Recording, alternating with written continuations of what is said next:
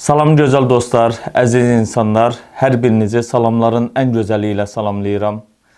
Rəbbimiz ömrünüzü, ömrümüzü daha xeyirli, daha faydalı keçirənlərdən, yaşayanlardan və yaşadanlardan eyləsin. Dostlar, canlı yayımların birində bir dostumuz belə bir sual vermişdi ki, Qurani Kərimin ayələrinin tarixdə qalma ehtimalı varmı? 1400 il əvvəl gələn bir kitabın ayələri 21-ci əsrdəki insanlara necə sirayət eləyir? Bu haqqda əslində çox geniş danışmaq olar. Amma mən istəyirəm ki, həqiqətən Qurana fərqli bir prizmadan, fərqli bir perspektivdən baxaq. Çünki Quran universal bir kitabdır, ümumbəşəri bir kitabdır. Əgər həqiqətən orada tarixi ayələr olmuş olsa, o zaman onun həmin ayələrinin bəzilərinin 21-ci əsrdə və yaxud da 19-cu əsrdə, yaxud da 31-ci əsrdə kimlərəsə müraciət eləməsi, səslənməsi mümkün deyil.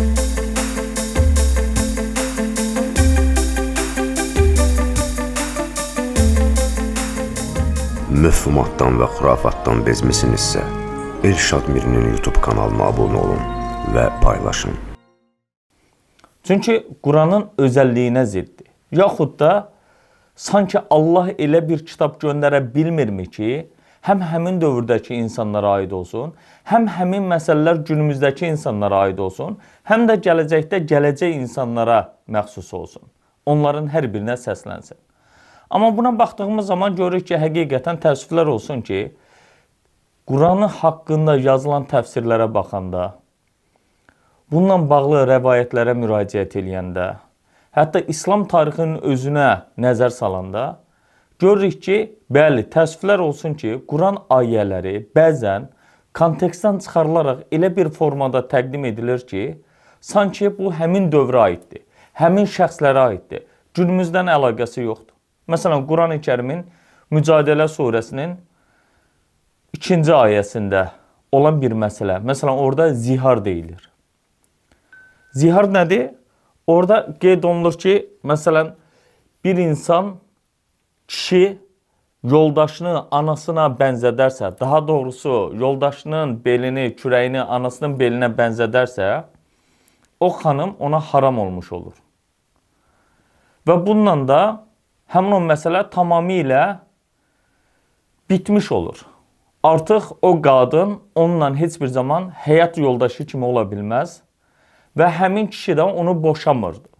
Ona görə qadın qalırdı müəlləqdə, yəni havada, ortada.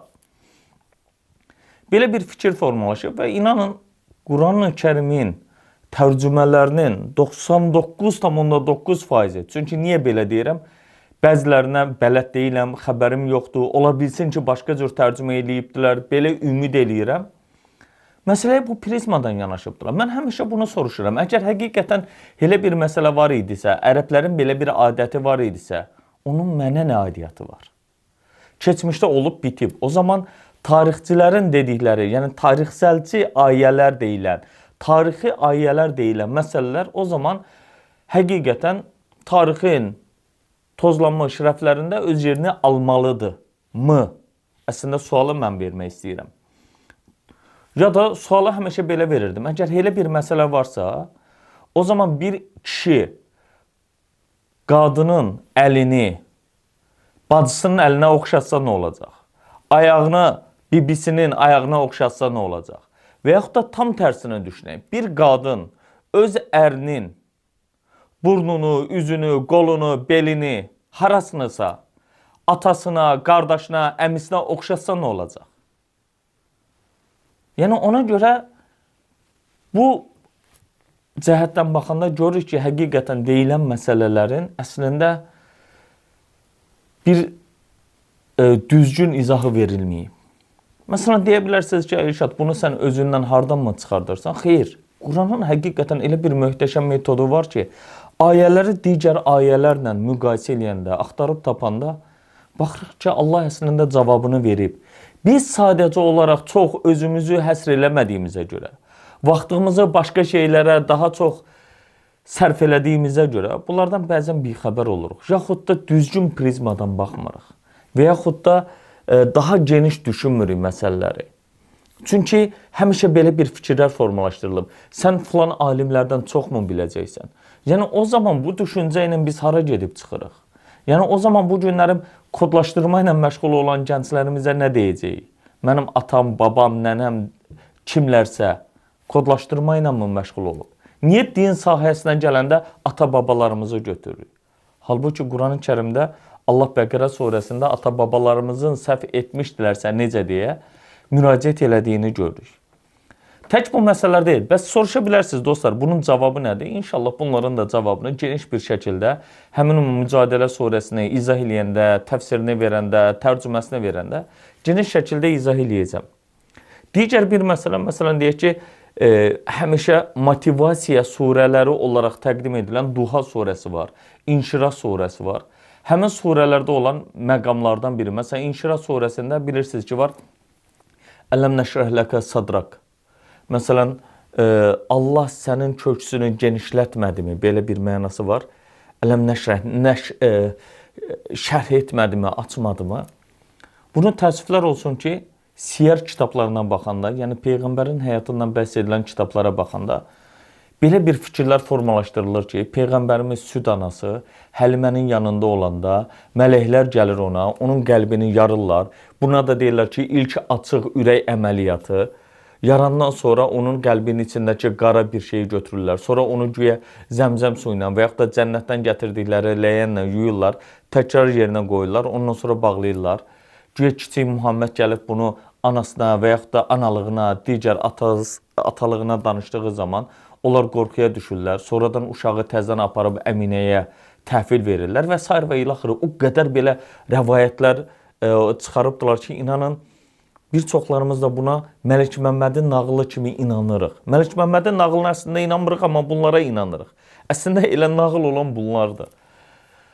Orada halbuki təsəvvür edin, heç birimiz soruşmuruq ki, birincisi bu uşaq necə əməliyyat olundu, necə açıldı qəlbi və yaxud da uşağın qəlbində o qara ləkə nə idi? Uşağın qəlbində 3 yaşında, 5 yaşındakı uşaqda hansı qara ləkə ola bilər?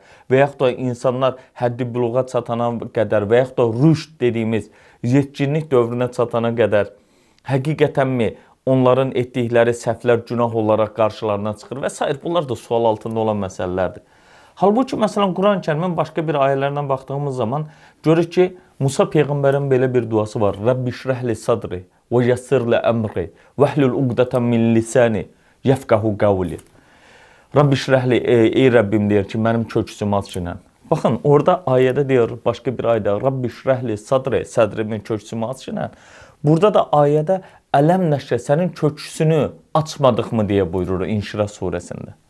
Yəni həmin o ayə Musa peyğəmbərlə əlaqəli olan bir məsələdir. Amma biz bu günlərim onu çıxartmışıq Muhammed peyğəmbərlə əlaqələndirmişik. Ona görə də məsələləri ancaq məsələn nəbi sözü gəldiyi zaman, ya Yuhən nəbi gəldiyi zaman, Ancaq Muhammed peyğəmbərlə əlaqələndirdiyimizə görə bəzən işin içindən çıxamırıq. Nəbi və Rəsul sözünü düzgün analiz eləmədiyimizə görə, bəzən düzgün bunun mənasını bilmədiyimizə görə həm Nəbi sözünə, həm Rəsul sözünə Allahın peyğəmbəri mənası verildiyinə görə inanın işi o qədər qəlizləşdirirlər ki. Amma dostlar, mən sizə bir şey deyim. Baxın, Quran həqiqətən o qədər möhtəşəm kitabdır ki, bir çox şeyləri, ayələri ayələrlə baxdığımız zaman tapa bilirik. Bunu da deyə bilərsiniz ki, necə ellər. İndi telefonu kənara qoydum. Onu götürüb sizə qeyd eləyə bilərəm. E, məsələn, sizə bir şey qeyd edeyim. Orda həmişə maraqlı olan digər məsələlərdən biri də bu olub. Məsələn, Quranda həqiqətən Əbu Ləhəb adlı bir şəxsdən mi bəhs edilir. Mən də həmişə həmin fikirdə olmuşam. O görüşdə olmuşam. Çünki bizə öyrədilənlərdən biz kənara çıxa bilmirdik və yaxud da çıxmağımız üçün alternativ bir fikrimiz olmurdu. Yaxud da araşdıra bilmirdik. Çünki niyə görə? E, Məsələn, bu günlərim indi rahatdır biraz araşdırmaq. Nəyə görə rahatdır, onu da qeyd edeyim. Düzdür, rahat olduğu qədər də bir o qədər çətindir, bir o qədər məsuliyyətlidir, bir o qədər də cavabdehlik daşıyırıq. Niyə bunu da qeyd edeyim? Çünki bəzən elə bir məsələ olur ki, misal üçün e, deyək danışılanda bir ayəni keçmişdə ola bilsin ki, e, Quranı açıb baxmaq lazım olasıydı, ya da Quranı əzbər bilməliydin, yaxud da əzbər bildiyin zaman o beynində dərhal e, bir kompüter misalı kimi gəlməli idi, dosyalar, fayllar açılmalı idi. Amma bəzən də bilməyə bilərdin, yaddan çıxa bilərdi. Çünki bu günlərin Quranı həqiqətən əzbər bilən insanlar var. Bəzən gündə 200, 300, 100, 500 təkrarlayırlar ki, yadlarından çıxmasın bunu. Amma həmin dövrdə məsələn axtarıb Quranı tapmaq çətin idi. Amma indi bir dəqiqə proqramda bir dənə sözü yazıram. Məsələn, səv harda keçir bilinir. Cihad harda keçir bilinir. Sonra məsələn salat sözü yazıram, harda keçir bilinir. Hətta onun hansı xüsusiyyətləri, daha doğrusu şəkilçilərlə, məsələn harficlərlə, hansı harficlərlə gəlib gəlməyib, onlara qədər gəlir. Çox rahat şəkildə bunları eləyə bilirsən, amma iş yükün artır. Bütün o ayələri qoyursan, onların hansı mənalara verildiyini və yaxud da Quranın özündə Allah həmin sözü açıqlayıb açıqlamadığını görə bilirsən. Misal üçün məsələn gündə insanlar dəfələrlə namazda, Bəzi yerlərdə, məsələn, oxunan Fatihə surəsi var. Orada həmişə deyilir ki, Maliki yevmiddin, din gününün maliki. Yaxşı, din gününün maliki nədir? Keçirik İnfitar surəsinə. Qurani-Kərimin səhv eləmirəmsə ya 29-cu yaxud da 30-cu cüzündə yerləşir. Orada 3 ayədə deyir ki, "Və ma adraka ma yevmiddin." Sən deyir, din gününün nə olduğunu hardan biləcəksən deyiləndə 3 ayədə açıqlayır. Sonra dinin özü nədir? Dinlə bağlı məsələni Allah Rəbbimiz Quranda açıqlayır. Amma biz bu günləri bunların üzərində çalışmırıqsa, düşünmürüksə, o bizim problemimizdir. Digər bir məsələ, məsələn, Əbu Ləhəblə bağlı qeyd elədim. Deyək ki, peyğəmbərimizin əmisi ilə problemi olub. Bundan mənə nə? Yəni əstəğfurullah səhv başa düşülməsin. Yəni peyğəmbərin əmisi ilə bağlı bir problemi olubsa və bu məsələ də həmin dövrdə müzakirə olunubsa, onun nəticəsində Quran ayəsi gəlibsə, bu mənə nəsə deyirmi? Yəni mən burada nə isə çıxara bilərəmmi? O zaman tarixdə baş vermiş Muhammed peyğəmbərimizlə əmisinin arasındakı olan bir ixtilafın, bir ixtişaşın Quranda olmasının səbəbi nədir? Buradan biz hansı dərsləri çıxara bilərik? Yaxud da məsələyə başqa prizmadan yanaşaq. O zaman rəvayətlər olmadan biz Əbu Ləhəbin kim olduğunu hardan biləcəyik? Əbu Ləhəb kimdir? Amma Biz məsələn indiyə qədər hə qeyd eləmişik ki, bu Əbdüşşəmsdir. Nə bilim buna yanaqları qırmızı olduğuna görə və yaxud da yaraşıqlı olduğuna görə Əbu Ləhəb deyibdilər. Yaxud da başqa bir formada qeyd eləyirlər ki, bu adam güya cəhənnəmli olacağı bilindiyinə görə, əvvəlcədən bu müəyyənləşdirildiyinə görə, əvvəlcədən ölməmişdən əvvəl ayə gəldiyi iddiasına görə atəşin elə bil atası mənasında bir ifadə işlədibdilər. Amma Əbu Ləhəbi araşdırdığımız zaman görürük ki, Əbu Ləhəb Quranın özündə həmin o Təbbət surəsində keçən məsələlər başqası ilə bağlı sadalanır. Kimdir bu? İnşallah bunu da qeyd eləyəcəm. Bəli, deyə bilərsiniz ki, niyə bunların cavabını demirsən? Dostlar, əsas məqsədim bu dəqiqə düşündürməkdir. Quran ayələri haqqında e, biraz baş yormağımızdır. Yoxsa bu dəqiqə hamısının cavabını deyim bir-bir. Amma biraz zamana ehtiyacımız var. Məsələn, çünki ayədə deyir: "Təbbət yedə Əbi Ləhəbin və tabb." Əbu Ləhəbin iki əli qurusunda. Mə əğnə anhu maluhu və mə kasab. Ona malı və qazandıqları fayda vermədi. Biz həmişə deyirik ki, malı və qazandıqları iki əl, iki güc, iki qüdrət bu mənadadır. Əl mənasının, əl sözünün bu mənası var. Ola bilər bunlar. Amma məsələn bu həqiqətən həmin o iki güc hansıdır? Həqiqətən bu Əbu Ləhəbdir. Məsələn tarixdə bilinən Əbu Ləhəb heç bir zaman əlləri qurumadı. Öləndə də əlləri qurumamışdı. Bəs o zaman nədir? Yəni inanın o qədər maraqlı nüanslar, məqamlar var ki, onda görürük ki, həqiqətən Quran tarixi bir kitab deyil. Hətta başqa bir tərəfini deyim, məsələn deyək ki, peyğəmbərimizin özünün yaşadığı dövrdə Quran ayələri nazil olduğu zaman bilirik ki, peyğəmbərimizdən əvvəl baş vermiş Nuhdan, Adəmdən, İbrahimdən, İshaqdan, İsmaildən e, müəyyən məlumatlar verilir Yaqubdan. Amma e, həmin o məlumatlara baxdığımız zaman bunları heç bir zaman tarixdə qalmış və bizə heç bir şey deməyən məsələ olaraq gündəmə gətirməyibdir. Halbuki Allah onlardan məsələn il vermədən, onlardan məsələn xüsusi obrazlar bildirmədən, çox məkan üzərində dayanmadan həmin o insanların bildikləri məsələlərdən dərs çıxara biləcəkləri bir məsələni gündəmə gətirir. Yəni burdan nə nəticə çıxara bilərik? Yəni bu bizə nə verir? Nə öyrənirik? Ona görə də məsələn Quran-Kərimdə həqiqətən bəhs olunan qissələrə baxdığımız zaman bu da Quranın 3də 1-dən çoxunu təşkil edir. Çünki bilirik ki, Quran-Kərimdə mövcud olan ayələrin sayı 6236 ayədir və bunların təsəvvür eləyin 2000-dən çoxu sırf Quran qissələri ilə bağlı olan ayələrdir. Yəni bizə hadisələrdən çıxara biləcəyimiz dərsləri deyir. Bundan başqa məsələn başqa məqamlar var. Düzdür, onun üzərində hələm çox işləməliyəm. Araşdırmalar aparıram. Sadəcə ardıcıllıqla gedirəm. Məsələn, onlardan biri peyğəmbərimizin şəxsi həyatı ilə bağlı olan bir məsələdir. E, həqiqətənmi orada sırf Muhammed peyğəmbərin şəxsi həyatı ilə bağlı bəhs edilir? Yoxsa bizmi onu yanlış anlayırıq? Məsələn, bunu həmişə belə də fikirləşmək olar. Peyğəmbər eyni zamanda orada bir sitə dövləti deyilən, şəhər dövləti deyilən bir yerin başçısı idi, hakim idi. Onunla bağlı hökmlər bu günlərimdə deyək ki, eyni şəkildə dövlət başçıları ilə və yaxud da hər hansısa bir yerin rəhbəri ilə bağlı nüanslarla əlaqələndirilərək təqdim edilə bilər. Amma bəzən o əsasən Əhzab surəsindən gətirirlər. Orada bəhs edilənləri sırf Muhammed peyğəmbərlə əlaqələndiririk, amma bəzən baxdığımız zaman Muhammed peyğəmbərlə əlaqəsinin olmadığını da şahid oluruq. Bundan başqa dostlar, məsələn, misallar var. Deyək ki, həmişə gördüyümüz bizə Süleyman peyğəmbərin möcüzəsi kimi təqdim edilən və Nəml surəsi olaraq bildirilən, yəni Qarışqa surəsi Quranın 27-ci surəsidir. Məsələn, orada Süleyman peyğəmbərin qarışqa ilə danışması və s. deyilirdi. Məsələn, bunu da araşdırırsan. Araşdırırsan ki, həqiqətənmi qarışqadır bu? Süleyman peyğəmbərlə bağlı bəhs edilən məsələ Süleymanın ə, qarışqanın dilini bilməsi, yoxsa quşların dilini bilməsi, yoxsa küləyə söykənib hardansa harasa getməsi.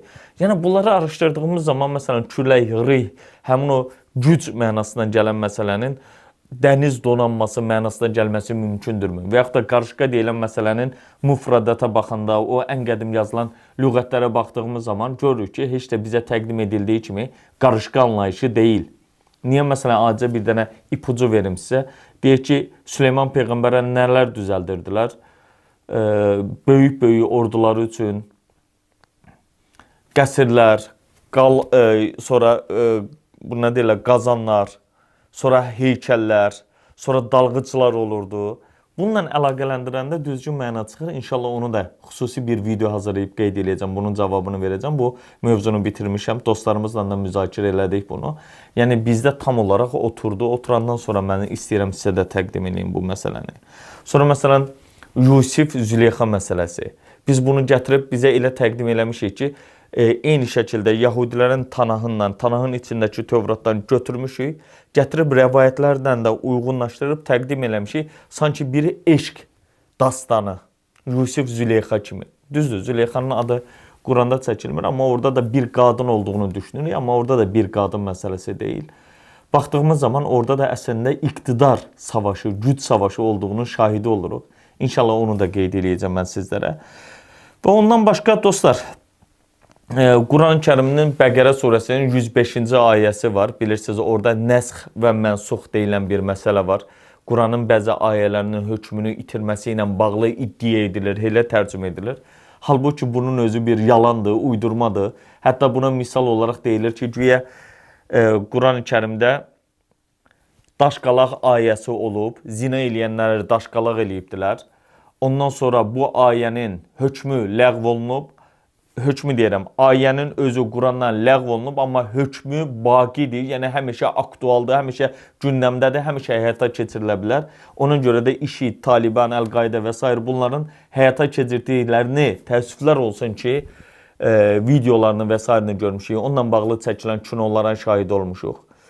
E, halbuki buna baxdığımız zaman görürük ki, belə bir şey əslində Quranda yoxdur. Heç rəvayətlərin özündə belə ziddiyyətdədir. Güya hətta səhv eləmirəmsə Əbu Davudda keçir. Əbu Davudun sünənində güya qeyd edirlər ki, Ayşənin yatağının altında Quran nüsxələri var imiş, dəriyə yazılmış nüsxələr. Həmin ərəfələrdə bir keçi gəlir Ayşənin yatağının altındakı həmin ayəni yeyir. Və bunun nəticəsində də Qurandan həmin ayə çıxıbmış. Yəni belə bir uydurma ola bilərmi? Həm də yatağın altına ayrı vaxt bizə deyirdilər ki, Quranı göbəkdən aşağı gəzdirmək olmaz. Yəni güyə hörmətdir bu. Sonra məsələn dostlar, e, Seyf ayəsi deyilən bir ayə var idi, qılınc ayəsi. Güya Quranda olan mövcud olan ayələrdən 105 ayəni aradan qaldırıb, hökmünü ləğv edib. Yəni bu nə absurd bir yanaşmadır. Halbuki həmin ayənin 104, 103-cü, yəni əvvəlki ayələrinə baxdığımız zaman mövzunun heç də bununla əlaqəli olmadığını şahidi oluruq, görürük.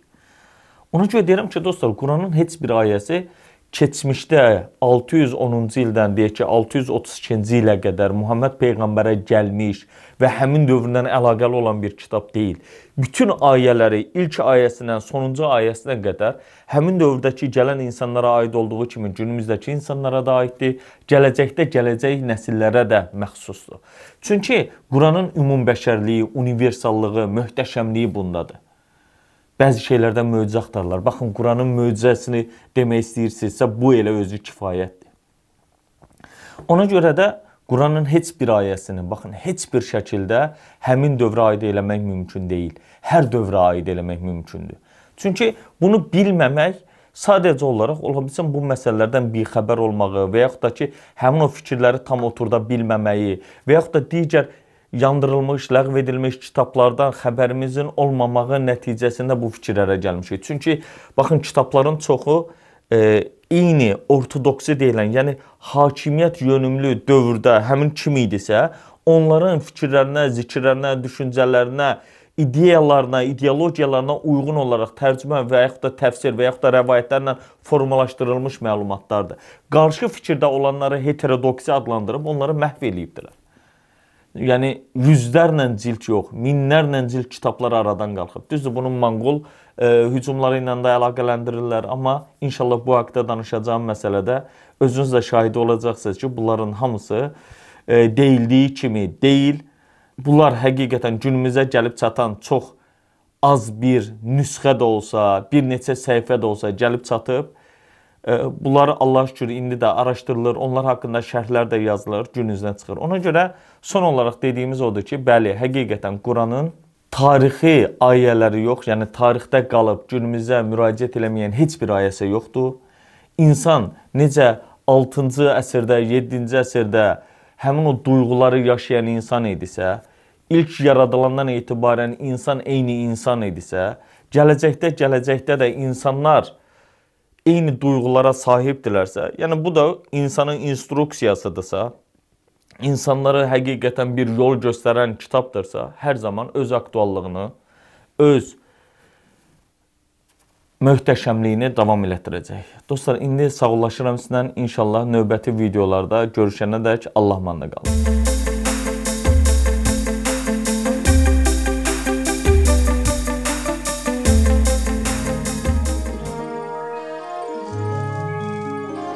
Bu cür videoların davamı üçün Elşad Mirinin kanalına abunə olmağı unutmayın.